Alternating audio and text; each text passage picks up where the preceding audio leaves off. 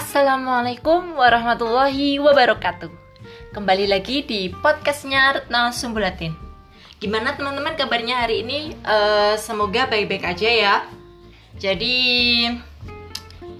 uh, kita harus mensyukuri Karena isolasi diri masih terus berlanjut.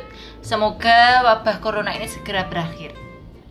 Tetap semangat, jaga kesehatan ya karena itu penting sekali agar imun kita tidak menurun oke okay, um, kali ini mau sedikit cuap-cuap tentang ekspektasi nah, pasti teman-teman sering ya um, membuat ekspektasi dikecewakan bahkan merasa sedih dan terpuruk dengan ekspektasi yang kita punya.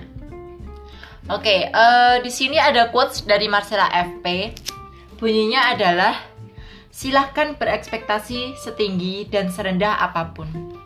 Itu pilihanmu. Tapi penuhi sendiri.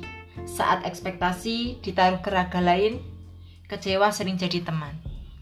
Nah, ini benar banget teman-teman. Jadi aku tuh kalau ada kegiatan, ada um, apa pun lah peristiwa dalam hidupku itu aku sering menaruh harapan atau ekspektasi yang terlalu tinggi. Sebenarnya baik sih untuk menambah kepercayaan diri semangat hidup. Akan tetapi ya itu lagi kembali lagi ke kalimat yang tadi quotes yang tadi bahwasanya memang mau setinggi dan serendah apa pun itu adalah pilihan kita. Tapi di sisi lain, kita saat menaruh ekspektasi itu di raga lain, di seseorang atau suatu kelompok atau apa pun itu, pokoknya yang bukan dari diri kita, kita harus siap-siap kalau kita akan kecewa. Meskipun juga nggak jarang ekspektasi sendiri dari diri sendiri juga melukai dan mengecewakan diri sendiri juga jadi uh, makin ke sini itu aku jadi mempelajari pola dari sebuah ekspektasi itu sendiri. Yang mana semakin tinggi dia uh, berada di dalam diri kita maka rasa kecewa itu juga akan semakin menusuk hati kita.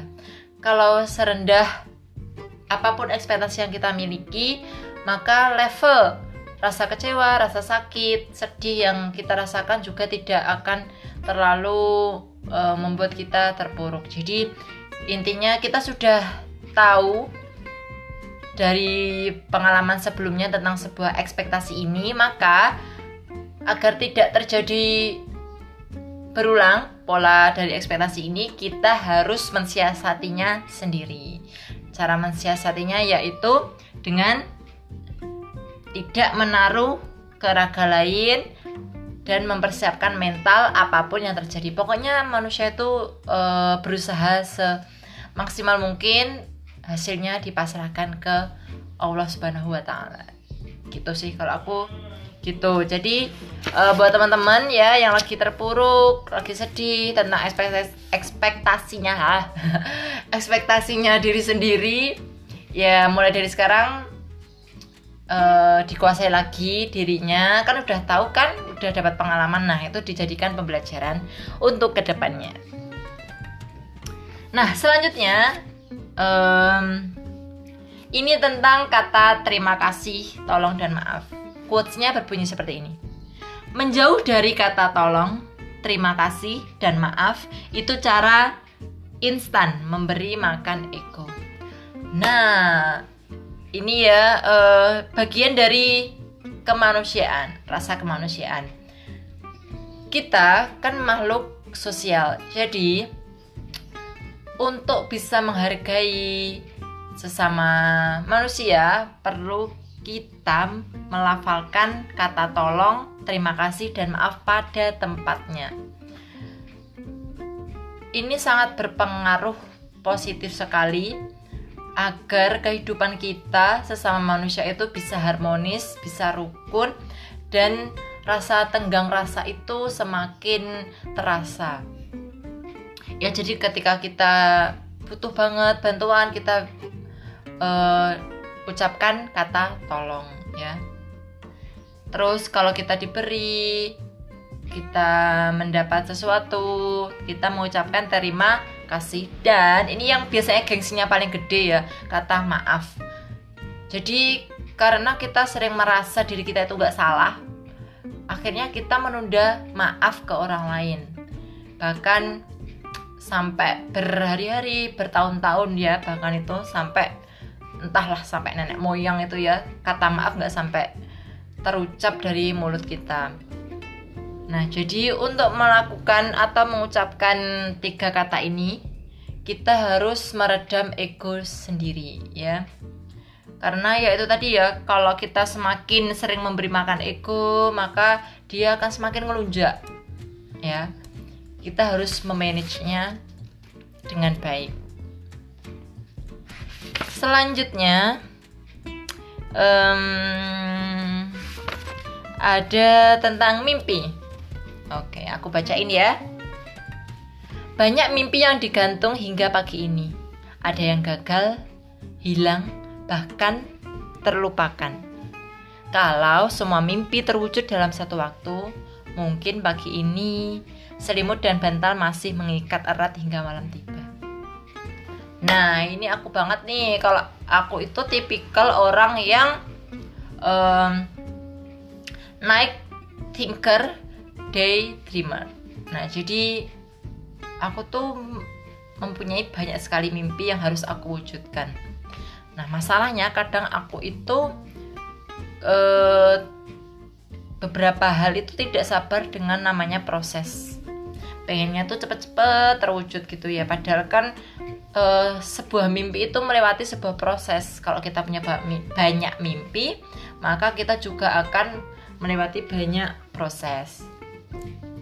Jadi uh, kenapa sih mimpi kita tuh tidak terwujud langsung semuanya? Ya karena itu tadi kita harus belajar untuk menikmati proses.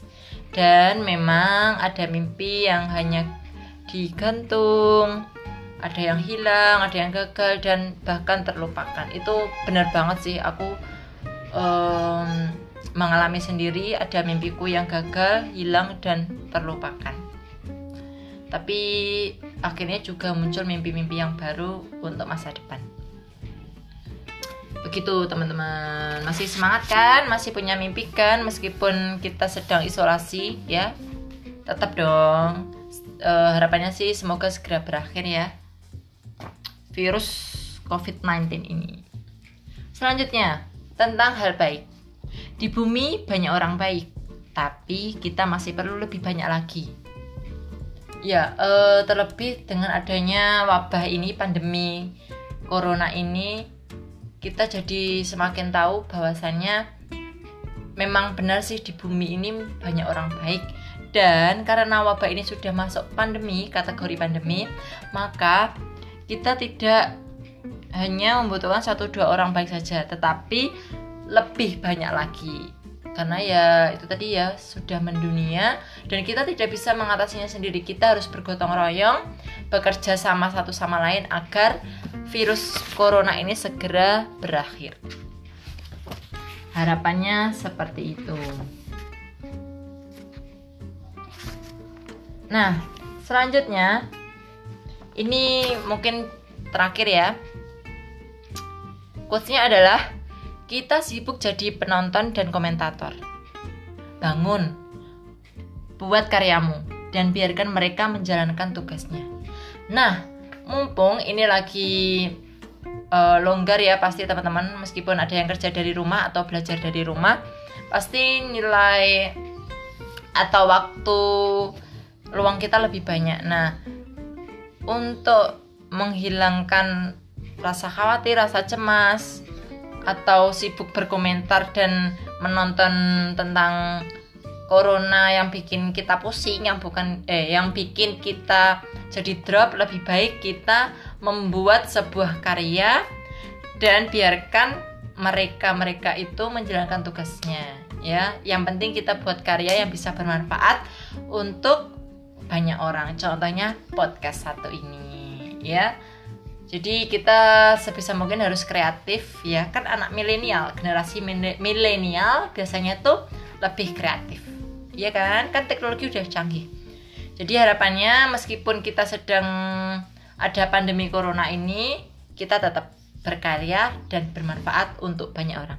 Oke teman-teman, mungkin itu aja podcast kali ini. Semoga bermanfaat, menghibur, uh, mengedukasi teman-teman. Harapannya sama-sama berjuang agar COVID ini segera berakhir. Oke, terima kasih. Wassalamualaikum warahmatullahi wabarakatuh.